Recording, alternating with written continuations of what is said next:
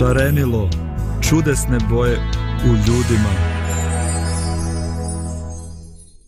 Dobro jutro svim slušalcima Radio Pomirenje, kao i svima vama koji nas gledate preko Facebooka ili YouTubea. A, a, evo ovdje u Banja Luci gdje smo je jedan prohladan i oblačan dan, a mi imamo jednu ovaj temu, koja se bavi nekim oblacima koji se nadvijaju nad našim društvom.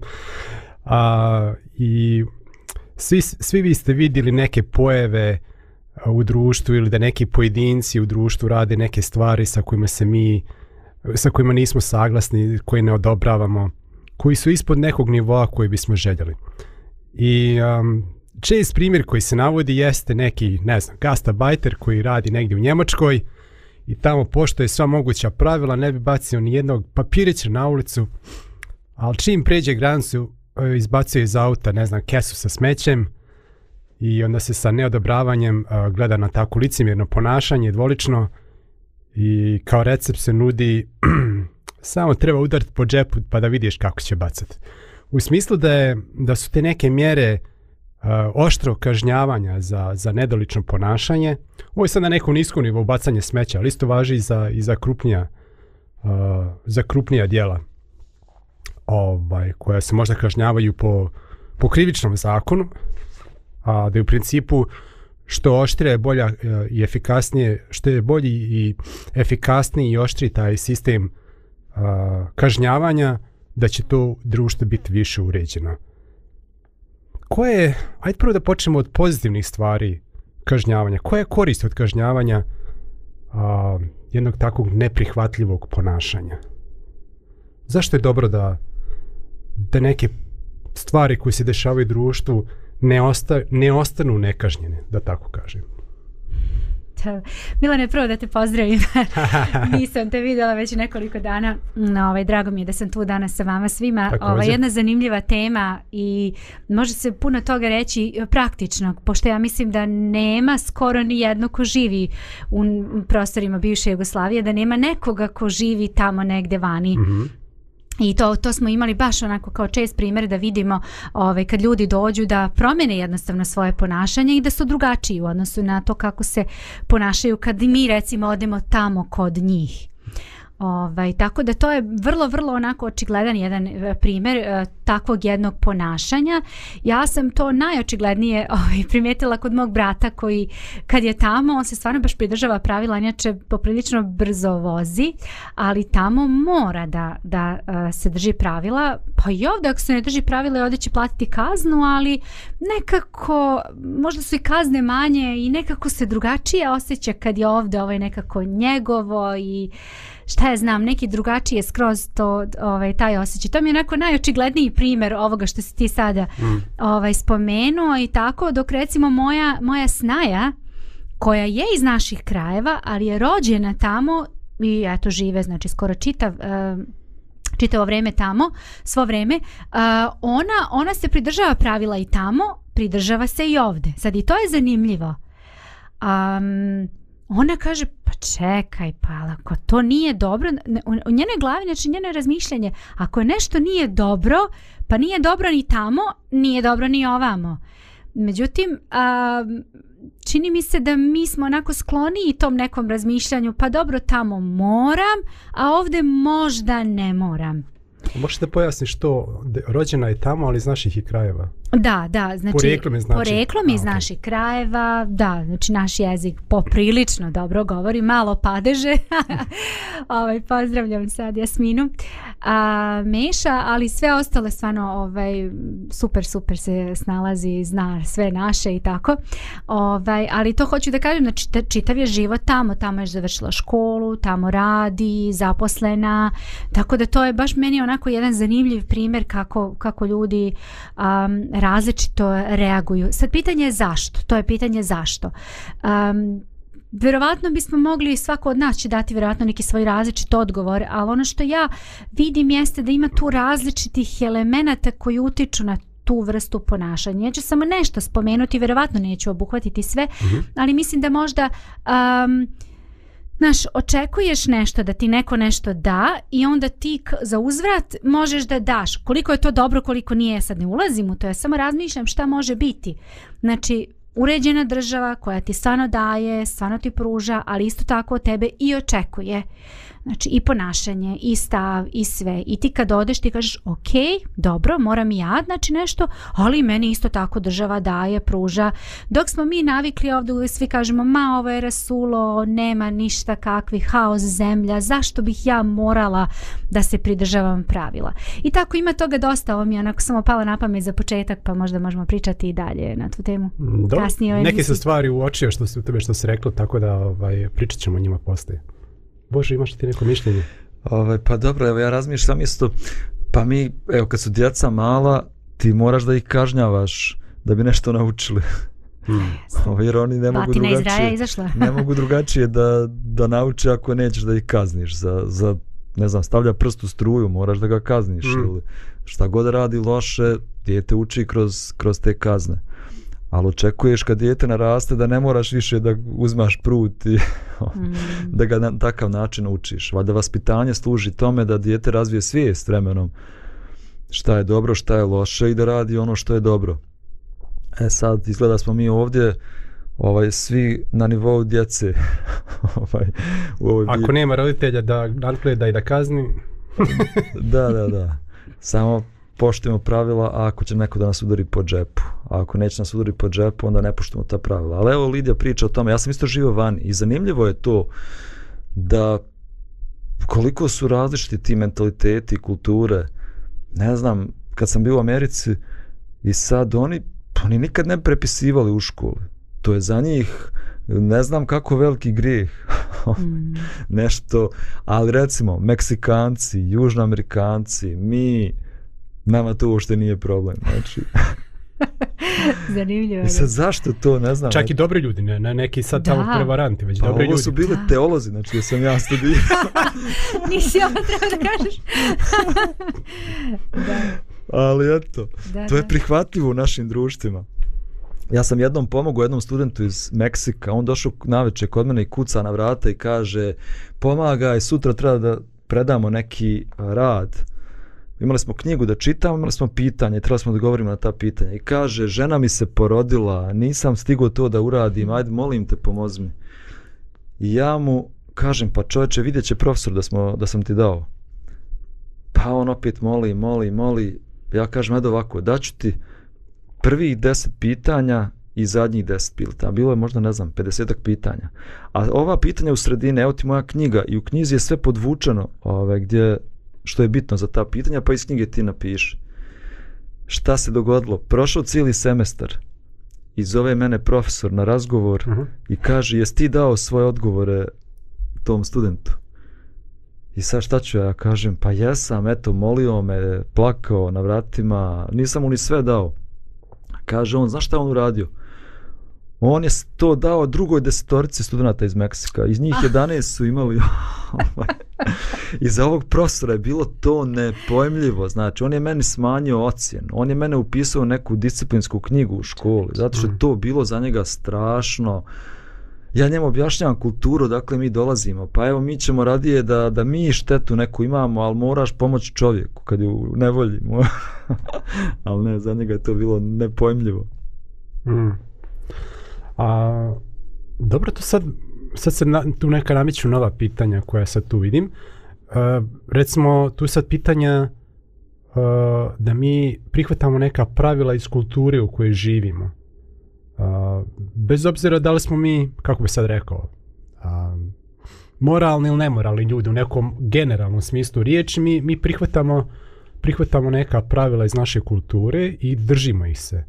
I recimo, evo, evo, Lidina Snaja je, je tamo rođena i ona je prihvatila ta pravila kao, da kažem, internalizo, uh, internalizovala je ta pravila. Ona je prihvatila nešto kao sastavni dio njenog mentalnog sklopa i njenog stava prema životu. I, i ona ta pravila primjenjuje gdje god daje. Čak i u zemljama gdje se to možda više i ne traži. Možda i da ode, ne znam, nija, u puti u Afriku, tamo nema nigdje ni policije, nema ništa, ona bi vjerojatno i dalje ista pravila poštovala, zato što su to neka pravila koja koja je ona prihvatila kao svoja, kao, kao pozitivna.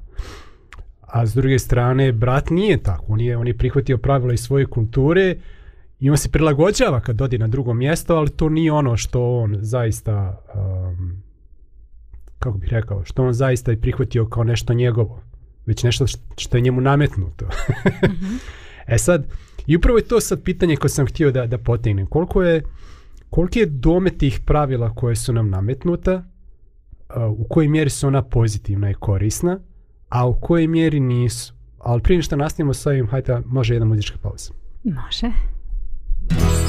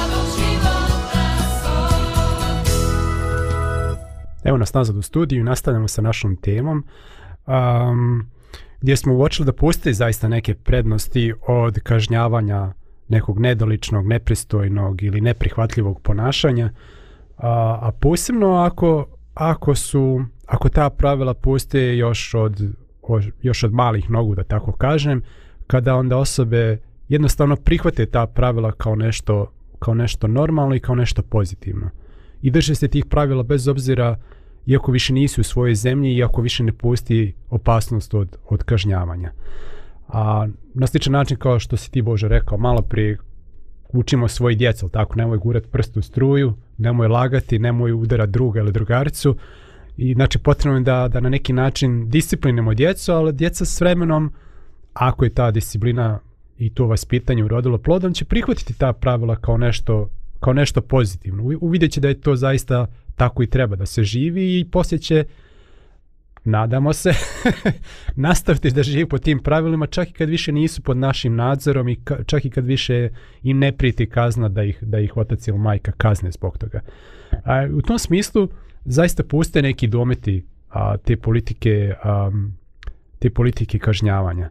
A, šta vi mislite, da li u našoj kulturi ili u, našom, u našoj zemlji, a da li smo mi a, su više blagi ili su više strogi u pogledu um, kažnjavanja neprihvatljivog ponašanja? Pa ne mislim ja da smo, da smo strogi, pa ne znam, šta ja mislim šta je problem kod nas. Znači, ajde razumijem sada, evo recimo Njemačka, oni imaju zakone i ono, strogo se to poštuje sve, ovaj računa kad dođe neki turčin ili kad dođe neki bosanac, ovaj mora da nauči kako treba se ponaša. Ali vremenom će taj čovjek da nauči da živi u jednom humanom društvu, što je Lidija govorila, da će država da ti da sve što ti je potrebno. Ako nemaš posao, ona će ti daje neku pomoć, naći ti smještaj za tebe, pa ćeš da vremenom polako, on vjerojatno to računa, da ćeš polako da se prilagodiš, pa ćeš i ti da živiš životom kao i ostali ljudi. A kod nas imaš propise, imaš zakone, ali ti propisi važe samo za obične ljude, ali ne važe za one koji daju te propise. I ti gledaš njih, on ide na autoputu 200 na sat, neće nikad platiti nikakvu kaznu, uh, vidiš korupciju uh, na najvišim nivoima. Ja sam imao slučaj istinog policajca koji radio neku istragu i traži mito. 50 maraka traži mito. Kaže meni, vid kakvu košulju ja imam, vid cipele, to su moje cipele. Kaže, oni kradu milione, a ja ne mogu 50 maraka da uzmem. Jer on gleda one gore iznad sebe, pa što bi ja, što, zašto pravila važe samo za mene, a ne za njih gore? Pa onda ne moram ni ja da poštujem pravila. I to je kod nas problem. Zašto? Ljudi se bune. Pa zašto ja da plaćam kaznu? Zašto ja moram da poštujem pravila? Zašto? kad niko drugi ne poštuje ta pravila i kad pogotovo oni koji bi trebali da da nam daju primjer toga, oni to ne rade. Korumpirani sudovi, korumpirana policija, sve korumpirano, e, pljačke na najvišim nivoima. Mm. I, e, ima tu malo veze, prije. ovaj, da, izvini, uh, ima malo veze i sa um, tim nekim, ajde, re, re, nazovi snalaženjem. Uh, mi smo iskreno zemlje koja su stalno bila nekako okupirane, napadane, stalno neka vrsta tog pritiska i onda mi smo nekako morali, ja sad moram malo da opravdam, još uvijek da se vratim na onaj prvi deo priče. Znači morali smo da naučimo da se snađemo, znaš, tamo tebi neki turčin dođe, traži nešto, znaš, ti sad moraš da naći načine kako da se izvučaš iz toga, to je tvoja zemlja, šta on došao tu tebe da kinji i tako dalje. Ovaj pa Austrougarska da ne pričamo sad e, i dalje. Ovaj na tu temu znamo dobro istoriju. A i tako da smo mi nekako morali, ima i ona priča naša što je volimo da volimo da je ispričamo i kažemo ono, e znaš šta kod nas nema struje tri dana, četiri mi funkcionišemo bez ikakvih problema, kod nas sve ide super. Ne znam tamo u Americi bilo gde da nestane struje, to bi kolaps kolaps bio, strahota, haos. Ovaj, tako da volimo to da ispričamo kako smo mi snalažljivi, kako mi rešavamo probleme. Znaš, recimo ima neka kutija sa nekim, ne znam, alatima, unutra i sad to treba sve spojiti. Naš, pro, naš čovjek će bez problema da to spoji, znači uopšte nema to, on će on cap, cap, cap, razmisli, ne treba ti uputstvo, ne treba ti ništa, znači sastaviš bez problema, a oni ne, oni se sve pridržavaju pravila, pa čekaj, mm -hmm, ali ovo, ima, ovo je višak, ali ne može biti višak, čim stoji tu mora da ima neko svoje mesto i onda tako, ovaj, kažem, ovaj, postoji te neke stvari koje proizilaze iz čitave te priče, a kažem, postoji i istorijska potpora zašto je možda to sve tako kao što jeste. Da, da, ima to smisla što kažeš, zato što smo mi, sad je možda to dio naše kulture da smo mi tolike vijekove proveli pro, pod nekim e, stranim carstvima i šta, sad šta straži od tebe tu neko, ta neka, neka sila koja je došla u tvoju zemlju, traži da plaćaš poreze, traži da, ne znam, šalješ djecu u vojsku, traži ovo, traži ono, a šta daje, ne daje ništa. da. I onda su ljudi naučili da se snalaze kako da preživljavaju u otežanim uslovima, a dok im je država uvijek bila ne, na neki način, ajde ne kažem neprijatelj, u smislu, ali, ali definitivno nije bila prijatelj. Znači, pa onda se smijeni jedno carstvo drugim carstvom, a opet situacija, zavojevač drugi, ali mm, situacija je ista. Yes. Snalazi se, preživljavaj, uh, potkradaj, gledaj kako da sakriješ porez, kako da prevariš državu, kako da ne daš sve ono što oni daju da tebe ostane više, da ostane više tvoji djeci. A, I možda je taj mentalitet ostao i dalje. Mi i dalje, čak i kad imamo svoju državu, u smislu da više nisu stranci ti koji upravljaju a, to je upitno. Do, da. tako da ne ulazimo je, tako u priču. Bar, bar je ovako fizički o, vrše funkcije da, da, da. Na, naši, naši su građani, građani naše drž, naših država, evo, a, ipak se, ipak imamo to neko nepovjerenje, neprijateljski stav prema državi. Ovaj, što je, i na to rezultuje da mi ne poštujemo državne organe, gledamo kako da, ne znam nija, kako da ne platimo porez, kako da ne platimo kaznu, kako da, kako da sakrijemo, kako da prevarimo državu i kad to uradimo, osjećamo se kao aha, uspio sam, yes. jesam ih pre, znači neće oni meni tako da. Znači, stalno taj uh, taj nekakav stav država je moj neprijatelj, ja moram nekako da državu prevarim. Mm. A onda postoji taj problem što i ti koji vrše te funkcije na vlasti, što se sami ne drže zakona i pravila koji su uveli i onda pa ovi ispod kažu, pa što bi ja, što ja ne bukro 100 maraka kad on može milion. Mislim, šta je to, šta je to moje malo naspram njegovog? I onda imamo jedno društvo gdje svako gleda, nije svako gleda, ali gdje ima jedan ogroman broj ljudi koji gleda kako da prevari sistem, kako da zakine. A, I tu sad pita jedno dru, drugo pitanje, kol, koliko je taj, to ću možda jednom prilikom posebno o tome da pričamo, koliko je taj sistem dobar, ako svako krade, koliko smo mi svi u plusu, a koliko smo minus? Mm. to je jedno ovako pitanje a, možda za, za drugu temu. Ali ono što, što sam ja htio da primetim, ono što si ti Bože rekao, jeste da, da se tu upravo vidi domet a, jednog sistema kažnjavanja. A to je da on funkcioniše ako neka manjina ljudi postoji koja, koje krše pravila i krše zakone, a većina ih poštuje. Ako imamo da dobar dio stanovništa ne poštaje pravila, šta to znači? E, zamislite koliko bi onda morali da imamo a, ne znam nija, nadglednih kamera, koliko policajaca bi moralo da radi, koliko bi moralo imati a, sudova, a, ljudi koji radi u tužilaštvu, pa koliko bi moralo da imamo zatvora.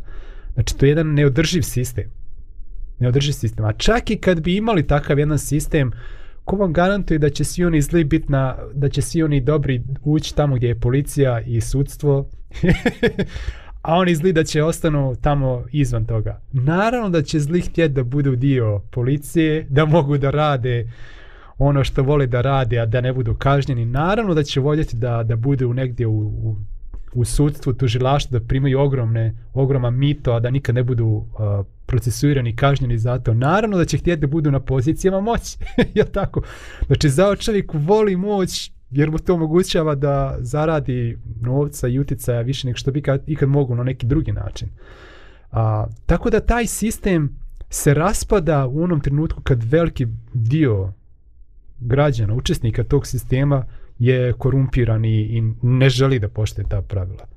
I, I mislim da je to recimo situacija kod nas.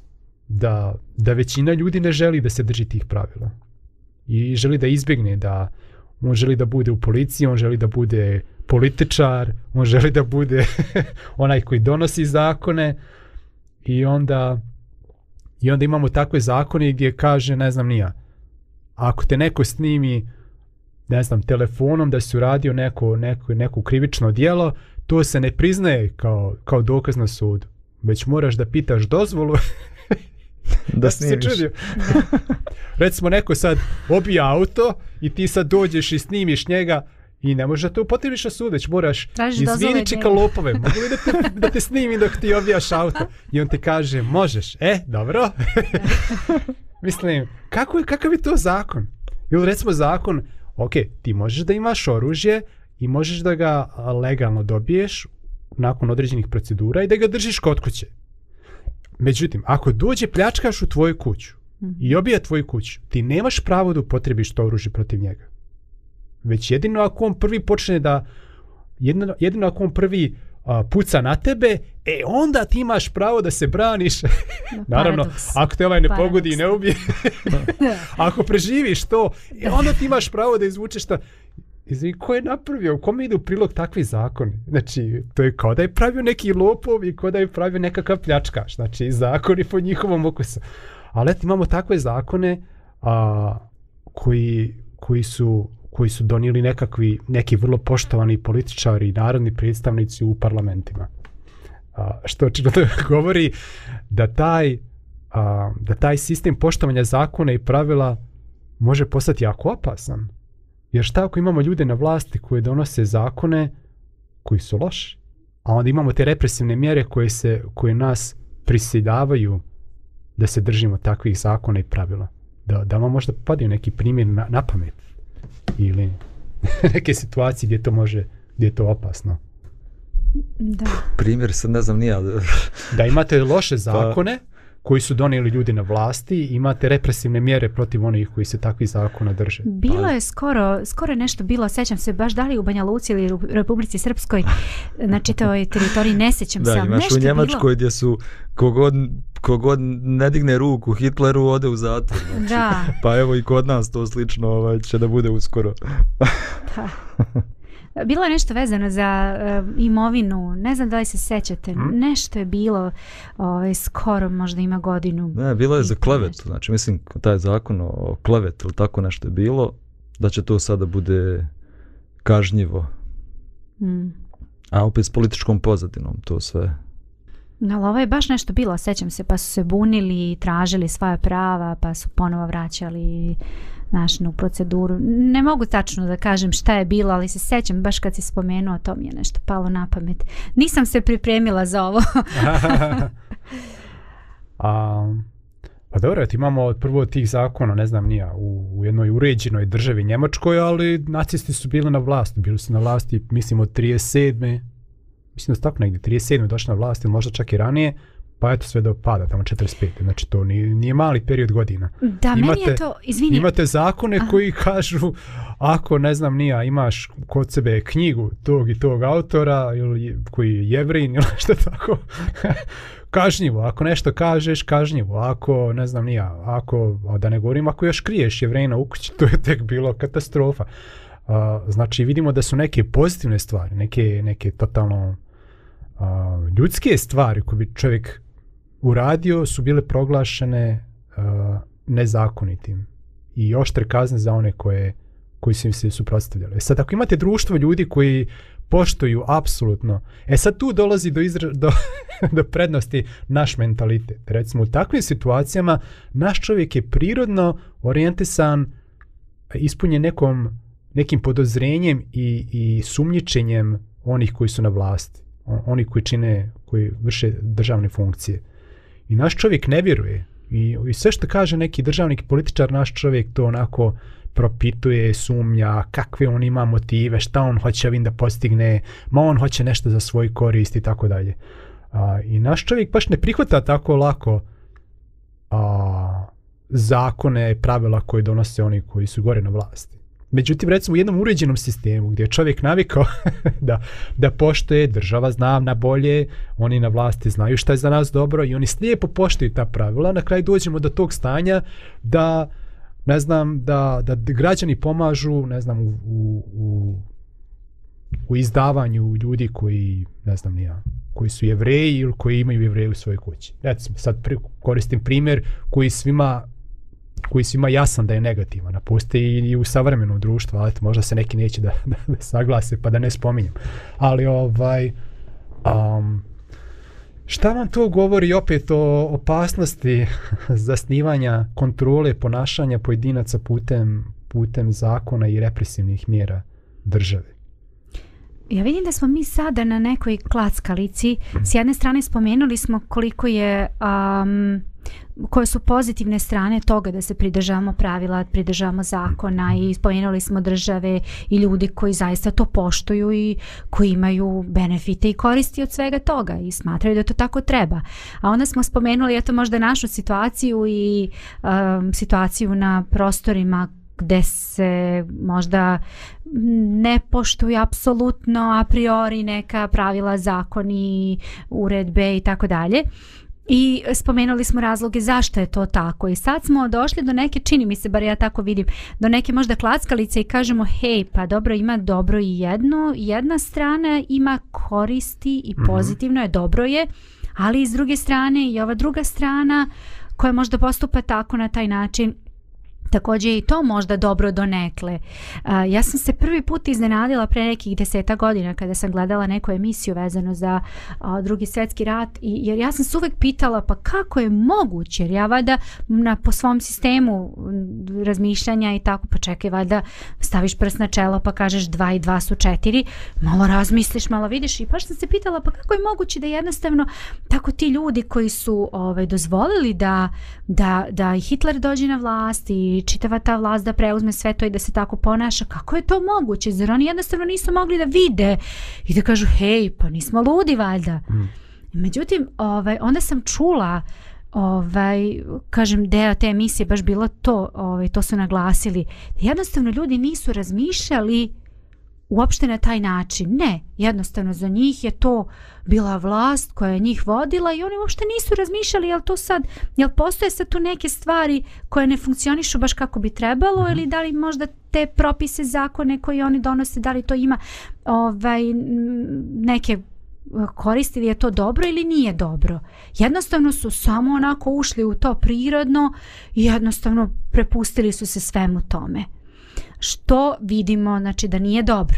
S druge strane, kakve koristi i nama, šta mi dobijamo ako se ne pridržavamo tih nekih zakona, pravila, propisa, pa kakav bi sistem, kako bi funkcionisalo Sve u državi ako ne bi postojali i zakoni i pravila, propisi uređenja, podzakonska akta i tako dalje, pa bio bi apsolutni haos. E, znači, zamisli ideš pu, ovaj, putem i sad nema, evo sad pokušavaju da srede naše ulice ovdje u Banja Luci, zamisli da nemaš putoka, da nemaš pojma gdje trebaš, da ideš kako da se ponašaš, nego kako kome dođe. Mhm. Znači, haos bi bio.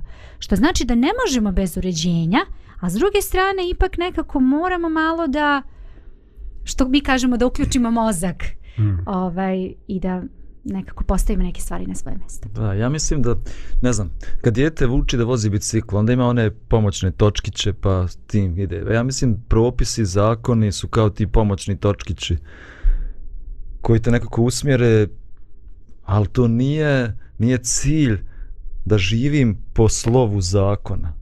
Zato što u tom slučaju ja ne radim ništa što je loše ali ne radim ništa ni dobro. Mm. Zakon ti samo govori šta ne trebaš da mhm. radiš. Mm. A nije svrha života da izbjegavaš loše stvari. Onda svrha života je da činiš i nešto dobro. I... Mm. Tako da mislim da zakon apsolutno nedovoljan u tom smislu te motiviše da činiš nešto dobro. Zato je potrebno da uzrastemo. Uh, zato je potrebno da imamo neki veći zakon u sebi, neki moralni zakon, zakon ljubavi. Mm ako imam ljubav u svome srcu, ako volim prirodu, pa ja neću da bacam sigurno nikada, neću da zgazim mrava, neću da na bilo koji način uradim nešto što će da šteti prirodi, životinjama. Ne treba mi nikakav zakon. Ne znam ni da li postoje zakon za tako nešto, ovaj, ali ne treba mi zakon ako imam ljubav u svome srcu. Ako i volim čovjeka, ne treba meni nikakav zakon da mi kaže nemoj da ga udariš ili nemoj da ga zlostavljaš. Uh, Zato što taj veći zakon u meni, zakon ljubavi će uvijek da me motiviše da činim dobro ja drugom, drugoj osobi. Ovaj, e, hvala ti što si, načeo, što si načeo ovu temu, a to je na neki način koja je prednost jednih ili drugih pravila. Onih pravila koja nam se spolja nameću ili neki unutrašnjih pravila, ajde tako kažemo, uh, neki unutrašnjih smjernica koje svaki čovjek ima u svom životu. Uh,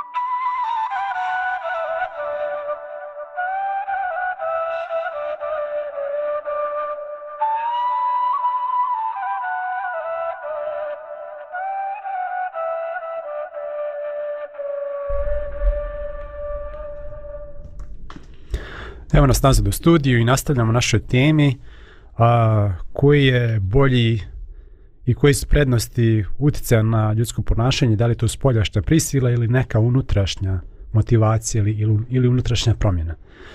A, ono što smo mogli da zaključimo jeste da, da, da su korisne da je korisno da pusti nekakve mjere kažnjavanja negativnog ponašanja a, prvo što ona obuzdavaju ljude u tom ponašanju, drugo što ljudi koji, koji su naučeni od njih, posebno ako je to od malih nogu, ih prihvataju kao nekakva svoja unutrašnja pravila kojim, po kojima se vladaju, čak i kad opasnost od kažnjavanja više ne prijeti.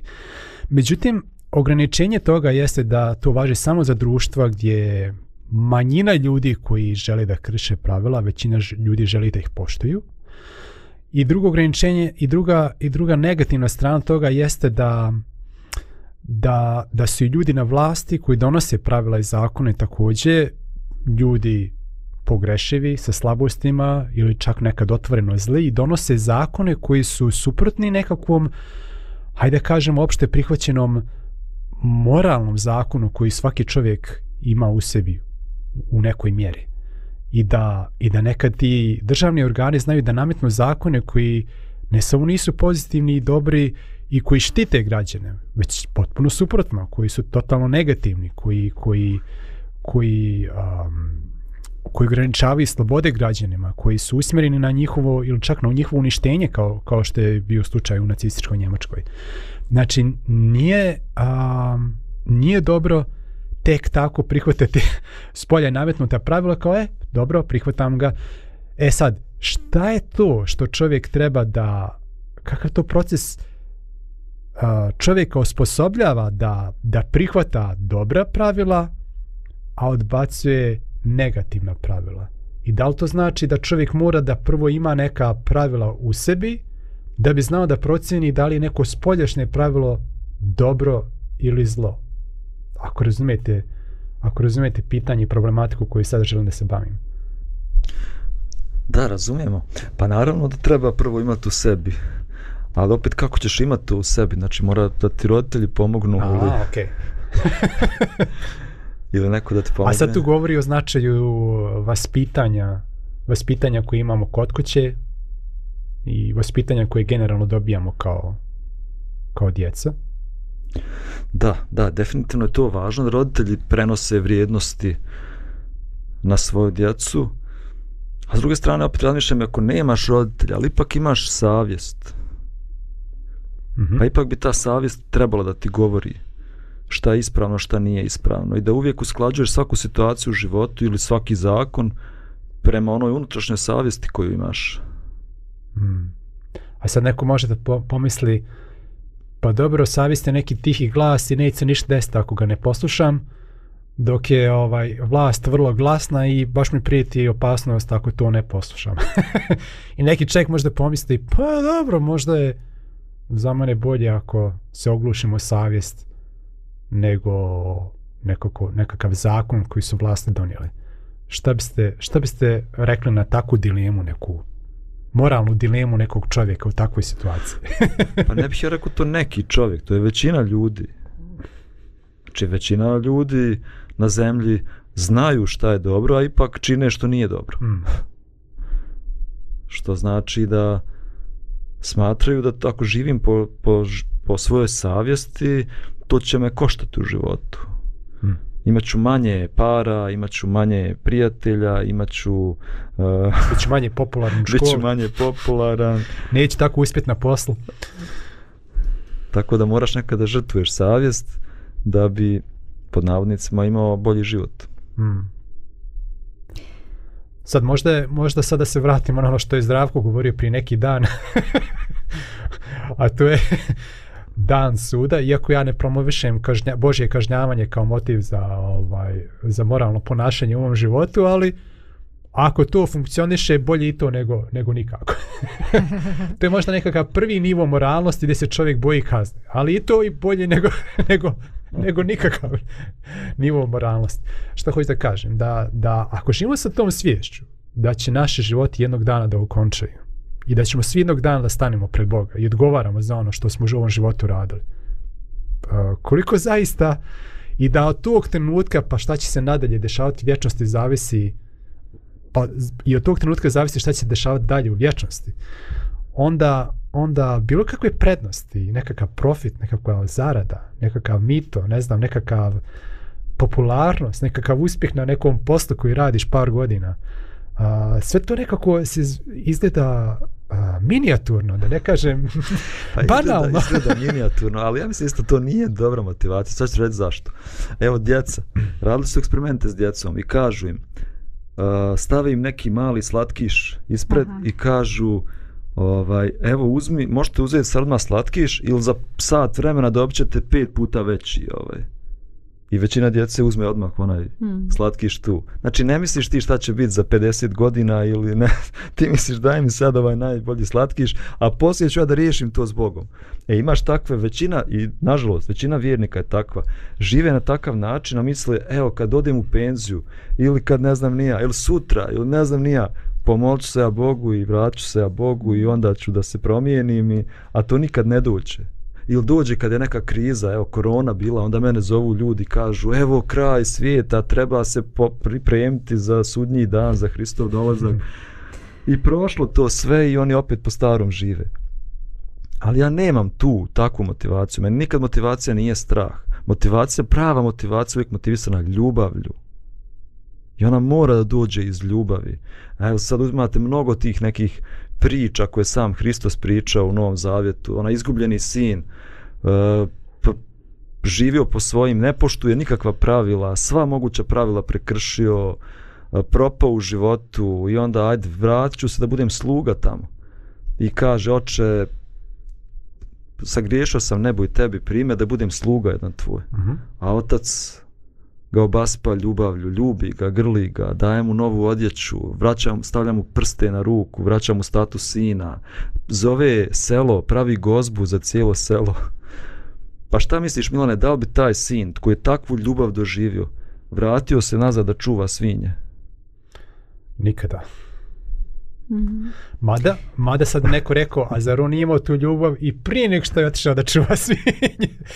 A, znači, nije, nije samo dovoljna ljubav, već je, već je, već je potrebno i a, doživljaj, nekakav unutrašnji doživljaj i gdje čovjek postane svjestan vrijednosti te ljubavi koju ima. Pa svjestan si vrijednosti ako si bio pokidan, poderan i u blatu i čuvo svinje, a sad imaš novu odjeću, imaš, sjediš na počasnom mjestu i proslava se pravi zbog tebe. A pa da li to znači si. da čovjek mora da okrene leđa Bogu pa da okusi blato i da hrani svinje da bi se vratio Bogu ili može i prije toga? ne moraš da okrene, ne kažem da moraš da okreneš leđa Bogu, ali mi smo svi u tom položaju, mm. samo nismo svjesni to da smo u tom položaju. Mm. Mi smo svi u tom položaju da smo potpuno beznadežni, da smo izgubljeni i onda kako Bog radi, ne radi sa strahom i kaznama, ko što mi roditelji često radimo nego radi s ljubavlju i blagodaću svojom. I ta njegova ljubav koju, koju nam on daje i koju ti doživiš u svom životu te mijenja i čini od tebe osobu koja voli i koja iz zahvalnosti želi da bude poslušna. Mm. Ne poslušna zbog kazne neke, ni zbog propisa koje... Dobro. A, ja ću se malo uključiti, zanimljivo mi je da vas e, slušam ovaj, u ovoj diskusiji, ali ja sve vrijeme razmišljam o pitanju koje si ti postavio mm -hmm. i nekako bih se malo kratko zadržala na tome a, koliko ima stvarno morala u nama ljudima.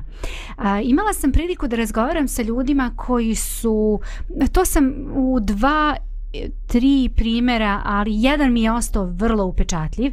A, razgovarala sa osobom koja kaže šta je moral? Uh, šta su pravila? Pa to je, kaže, jednostavno ljudi sede i naprave neki skup pravila koji ta ljudi na određenim e, me mestima treba da se pridržavaju, recimo u toj državi ili u tom, e, ne znam, gde god da se nalaze, znači kogod želi da bude deo toga, on mora da se pridržava samo tih pravila i to je to. Ali to je jednostavno samo dogovor ljudi koji žive tu na tom području. Uh, I ti recimo kad pogledaš, pa stvarno jeste, kad pogledaš malo šire, hajde mi gledamo ove naše, da kažemo, razvijene zemlje, po znacima navoda, ali gledaj ove koje su možda ne tako razvijene, ovaj, one stvarno, znači, ljudi se pridržavaju nekih pravila ponašanja, njima je to sasvim okej, okay, sasvim prihvatljivo, a mi sa gađenjem i nepodržavanjem se recimo odnosima prema svemu tome.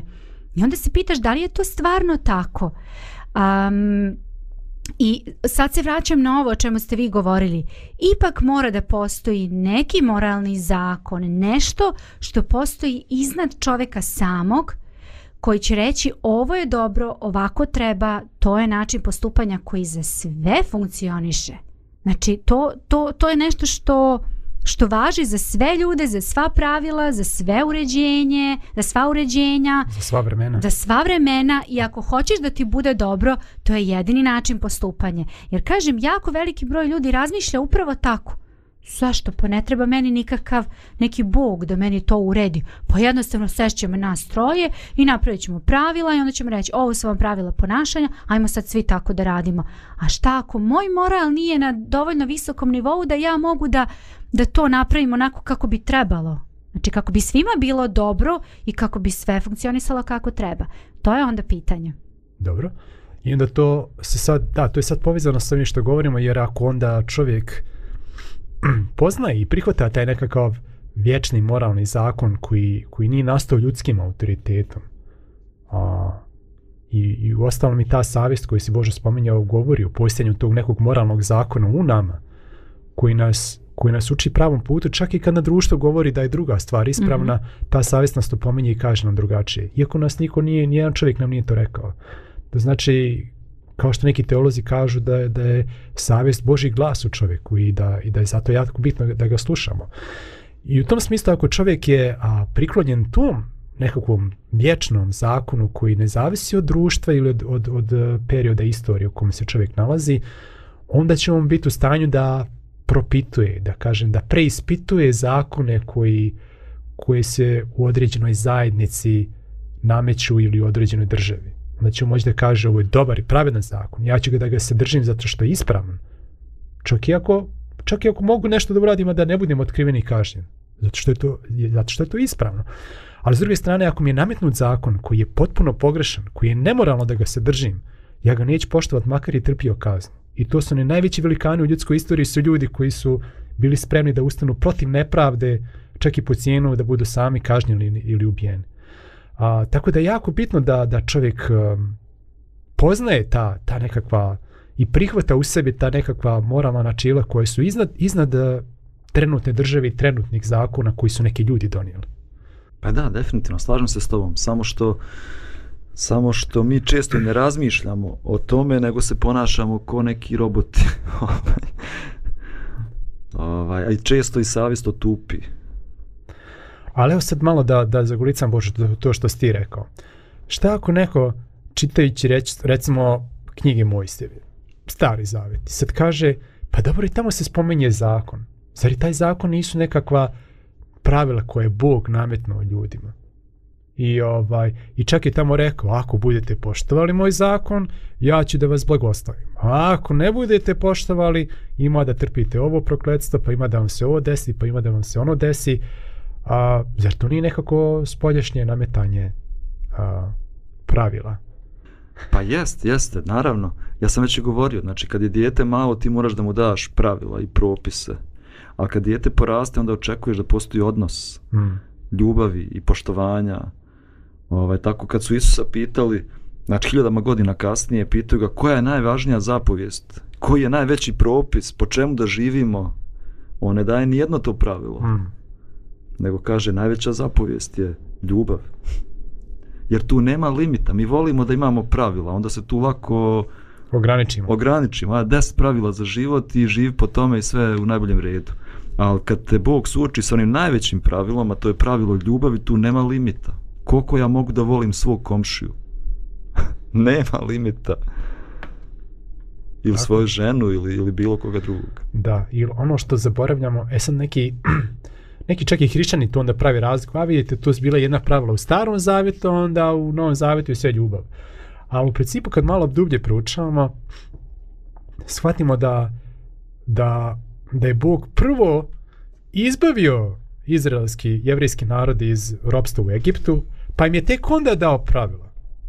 Drugim riječima, on je, on je prvo pokazao svoju ljubav ili blagodat taj, taj nekakav uh, biblijski izraz koji bi mogao da da se najbliže objasni kao neka nezaslužena naklonost.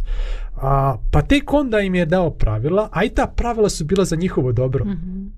Znači, ta pravila nisu bila neka, neka, nekakav proizvod njegove samovolje, Bože samovolje, eh, sad ja hoću da, vi, da ti, ne znam ni ja, dubiš na glavi četiri minuta svakog dana ujutru. Znači, ko što nije nikakve koristi, ni za čovjeka, ni... A, već su to pravila koje su za čovjeka dobro.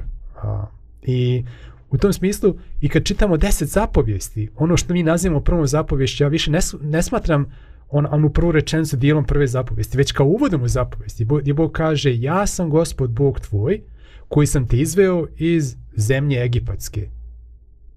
Znači, Bog kaže, ja sam onaj koji ti je već te pokazao voli. ljubav, ja sam onaj koji, te, koji sam te izbavio, bez ikakvih tvojih zastoga, bez ikakvih tvojih držanja zapovijesti. Znači, Ti si čak i služio tamo idolima da kad sam te ja izbavio. Mm. A onda kao rezultat te pokazane ljubavi i blagodati, onda Bog kaže, e, hajde živiš ovakvim životom. I to je ta, pokazani u Hristovom životu. Znači, Hristos nije rekao, e, aj ti sad malo da držiš ovu, ove zapovijesti, pa ću ja onda da ti izliječimo te tvoje bolesti. Ili, mm. ili aj ti malo pokaže, da se pokažeš vrijednim, pa ću ja da ti oprostim tvoje grijehe. Ne, već Isus prvo učini blagodat, a onda kaže, hajde za To je neki način kako Bog funkcioniše i kako bi oni koji slijede Boga, vjerujem, trebalo da funkcionišu. Meni se jako sviđa onaj Pavlov izraz u Rimljanima poslanici, to je sad novi zavjet, ovaj, e, gde on kaže da nam je zakon bio čuvar do Hrista. Šta to znači čuvar? Čuvar Pa to je na neki način kao što, kao što mi roditelji učimo svoju decu, peri zube, tuširaj se, ne znam, lezi na vreme. Znači to, to su zakoni i pravila koje mi jednostavno njima učimo svoju decu da ih se poštuju, da ih poštaju i da ih se drže. Međutim, prođe neko vreme i dete ode od svoje kuće. Neće znači, dete uvek biti stalno, možda ode kod prijatelja, ode negde. Uh, I šta se to znači? Gotovo dete otišlo i ne treba više da se pridržava tih pravila. Pa nije. Nego jednostavno to bi sad trebalo to pravilo da bude usađeno u srcu tog deteta i da dete kaže dobro ja sad nisam tu, ali ja sad i dalje treba da se pridržavam toga jer je to za mene, za mm. moje dobro je to. E tako je isto zakon bio na neki način čuvar do Hrista. Zato je on, zato je pun, pune e, su knjige Mojsijeve, upravo tih nekih pravila, zakona, kako treba, šta treba do detalja, svega, ovaj, da, bi, da bi jednostavno oni naučili kako treba. A onda posle, pa dobro, drži se iz svega toga i dalje, i dalje je to jednako na, na snazi, ali jednostavno, uh, prevaziđi to, nemoj da razmišljaš više tako usko, znači čini još i više, a ne to što si ti Bože pričao, učini još korak više, još nešto ovaj, kao, kao, kao korak dalje u odnosu na samo striktno držanje tih zakona i prava. Ono što, re, re, rekli bismo, nemoj samo zube da opereš, nego koristi onu vodicu za usta. Pa da. Pa da, ne samo to, nego ako staviš samo pravila, uh, peri zube, e, popi, ne znam, nija, limunadu, e, ti možda radiš sve to, ali bolje od toga da kažeš, pa bud zdrava osoba. Mislim, ti možeš to da radiš, a jedeš čokoladu i jedeš, ne znam, nija, a poštoješ pravila. Znači, nije cilj pravilo. Cilj je kakva ćemo mi osoba da postanemo. Mm. Ta sva pravila treba da nam pomognu da mi postanemo osobe koje žive Boži život, da tako kažem. Tako je. Tako je.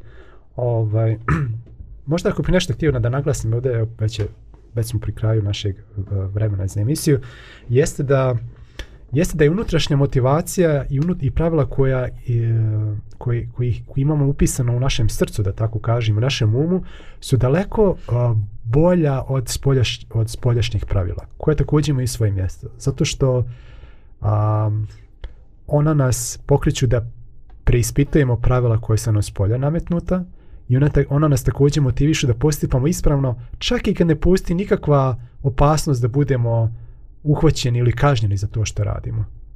A, to, to je razlika između čovjeka koji se boji e, ljudskih, ozemaljskih zakona i čovjeka koji, se, koji ima odnos sa Bogom. A, i, I da Bog prvo pokaže svoju ljubav i svoju dobrotu pa onda poziva i ljude da, da, da čine isto. Neko, jednom, neko je rekao da Bog nikad od nas ne traži nešto što nama prvi nije dao. Znači, Bog nama prvi pokaže ljubav, pa kaže živi po zakonu ljubavi. Prvi nam oprosti grijehe, pa kaže ti oprosti svom bližnjom i tako dalje. I u tom kontekstu bih pročitao, evo za kraj, a, stihove iz poslanice Titu apostola Pavla, koji kažu Jer za sve ljude se pojavila Božja milost, koja donosi spasenje, Ona nas uči da se odreknemo bezbožnosti i ovozemaljskih požuda, da u ovom svijetu živimo razborito, pravedno i pobožno, dok iščekujemo srećnu nadu i da se u slavi pojavi veliki Bog i naš spasitelj Isus Hristos. On je samoga sebe dao za nas da nas izbavi od svakog bezakonja i da sebi očisti narod koji mu pripada, koji revnosno čini dobra dijela.